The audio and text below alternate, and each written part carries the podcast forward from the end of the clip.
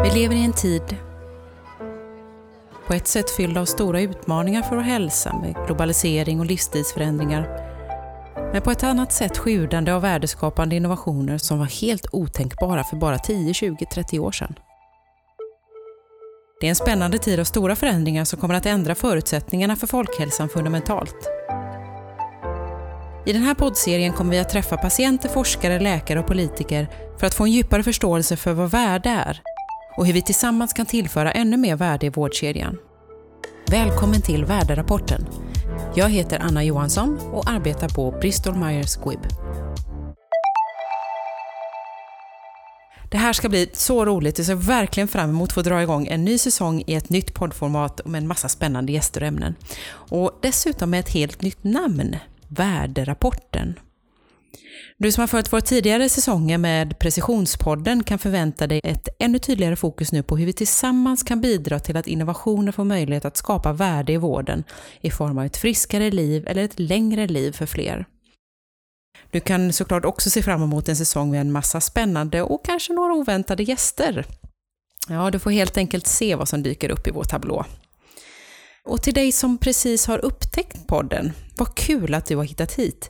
Vi på Bristol Myers Squibb drivs av att förändra människors liv genom vetenskap och tror väldigt mycket på kraften i att dela kunskap med varandra och att ha öppna samtal där vi närmar oss de riktigt tuffa frågorna. I varje avsnitt av podden kommer du därför att få träffa en eller flera gäster som får dela sina perspektiv på hur vi kan skapa nya, innovativa, fler, bättre och framförallt hållbara värden i vården.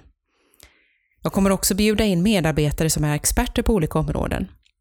Det blir förhoppningsvis en spännande mix av gäster och där vi kan ha intressanta diskussioner och försöka täcka in en mångfald av perspektiv och betraktelser. Du får hemskt gärna engagera dig i de här samtalen du också och dela dina tankar. Kontakta oss gärna.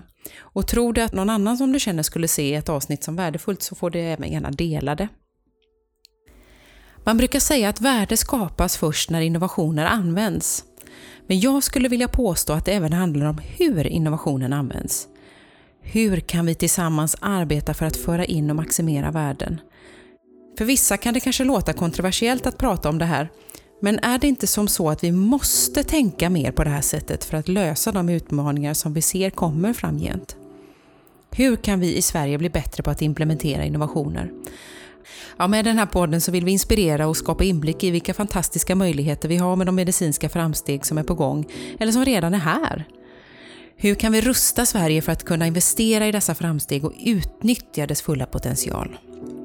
Det är något som jag och mina kollegor verkligen ser fram emot att få prata mer om tillsammans med våra gäster. I det första avsnittet av värderapporten så tar vi oss till det virtuella Almedalen 2021 och närmare bestämt Folkhälsodalen, det vill säga den arena där hälso och sjukvårdspolitiska frågor diskuteras och debatteras. Vi kommer där att eh, ha en panel och eh, ämnet för den diskussion som vi ska ha är hur vi fångar värdet av nya cell och genterapier. Det vill säga från life science-strategi och utredningar till användning, att dessa faktiskt används i praktiken.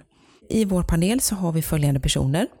Det är Kristina Sonnevi som är överläkare och tillförordnad verksamhetschef vid Karolinska Comprehensive Center, medicinsk enhet hematologi. Hon är också medlem i Swecarnet. Vi har Anna Alassad, koordinator regionsamverkan och projektledare på TLV, alltså Tandvårds och läkemedelsförmånsverket. Vi har även Malin Sjöberg Högrell, liberal och regionråd, ordförande i sjukhusstyrelsen i Uppsala. Samt Liselott Eriksson som är ordförande i Blodcancerförbundet. Du kan lyssna på detta avsnitt när det sänds live den 6 juli, tisdag den 6 juli klockan 12.45. Och då går du in på folkhälsodalen.se och följer sändningen där. Och har du missat detta så var bara lugn för avsnittet spelas in och kommer att finnas i din poddspelare framöver. Så sök bara på värderapporten så hittar du alla avsnitt som vi har eh, släppt hittills. Ett tips är ju då också när du ändå är inne där att passa på att trycka på prenumerera-knappen.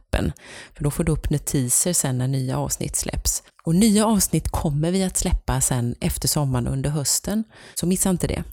Men nu tycker jag det är dags att köra igång Håll utkik och eh, vi hörs snart igen.